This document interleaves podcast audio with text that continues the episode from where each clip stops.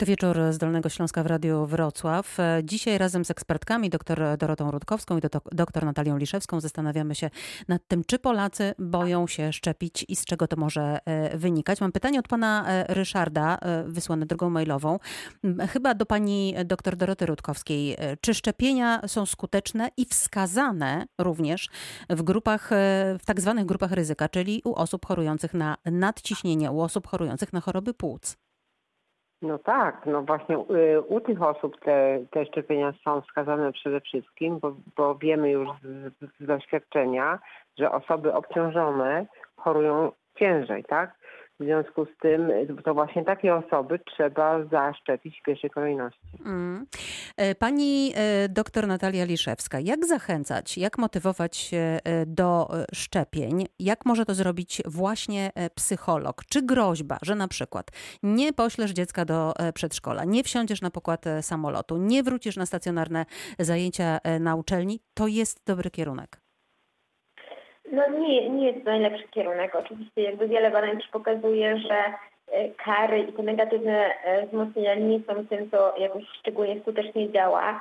E, tym, co działa jest tak zwane wzmocnienia pozytywne, czyli takie opieranie się na pokazywaniu tego, co osoba zyska, a nie co mu zostanie zabrane. Czy jakiekolwiek zakazy mogą budzić takie, takie doświadczenie w psychologii, które jest nazywane reaktancją, czyli takim oporem. Jeżeli ktoś mi nie daje prawa do decyzji, jeżeli ktoś zaczyna mi czegoś zabraniać, przymusza mi do czegoś, to jakoś naturalnie pojawia się u mnie mhm. pewien opór do tego, że chcę zrobić po swojemu.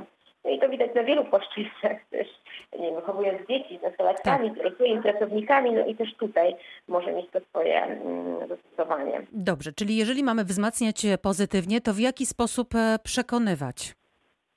Mhm. Jeśli nie groźbą. E, jeśli nie groźbą. Pokazując właśnie korzyści, to osoba zyska, pokazując, normalizując lęk, że to jest naturalne, że możemy się bać, ale wiele razy w swoim życiu się baliśmy różnych sytuacji i jak e, zrealizowaliśmy dane zachowanie, którego żeśmy się obawiali i czuliśmy się lepiej, to to jest coś, co nas wzmacnia, tak? Czyli pokazywanie, że my jako ludzie jesteśmy w stanie działać pomimo jakichś obaw, lęków, niepokojów i właściwie te sytuacje nas najbardziej rozwijają pomimo tego, że się boimy, działajmy. E, to, co jeszcze możemy mm, pokazywać, no to też takie jakieś pozytywne punkty odniesienia w postaci osób, które zachęcają, e, czyli te pozytywne historie. Możemy też mówić o tym takim społecznym aspekcie, że tak naprawdę nie zawsze musimy to robić dla siebie, że my nie zachorujemy, ale że robimy to dla innych osób. A może e, loterię? W Stanach Zjednoczonych właśnie milion dolarów e, młoda dziewczyna wygrała, przeznaczy na cele charytatywne, e, chociaż kupi sobie też samochód. W związku z tym może, no jak nie, jak to się mówi, jak nie kijem, to marchewką.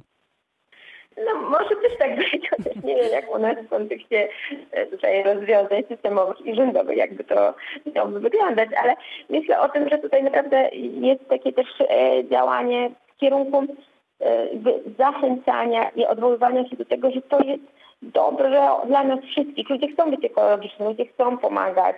Ludzie też chcą, żeby już wreszcie była większa swoboda, żebyśmy mogli żyć e, w jakichś takich społecznościach, w jakiejś otwartości. Jesteśmy istotami społecznymi. Myślę, że do tego warto się też e, odwoływać.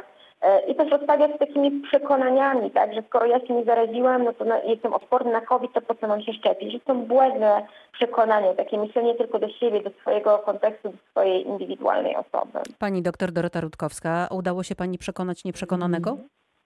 Tak, tak, nie jednego udało mi się, ale te, tak jak mu, y, mówiła pani doktor, zdecydowanie te, te dobre argumenty, pozytywne, odwołujące się do, do mm, odpowiedzialności za innych, to często jest właśnie ten argument, który, który działa. Tak? Że, że robimy coś dla kogoś, nie tylko dla, dla siebie.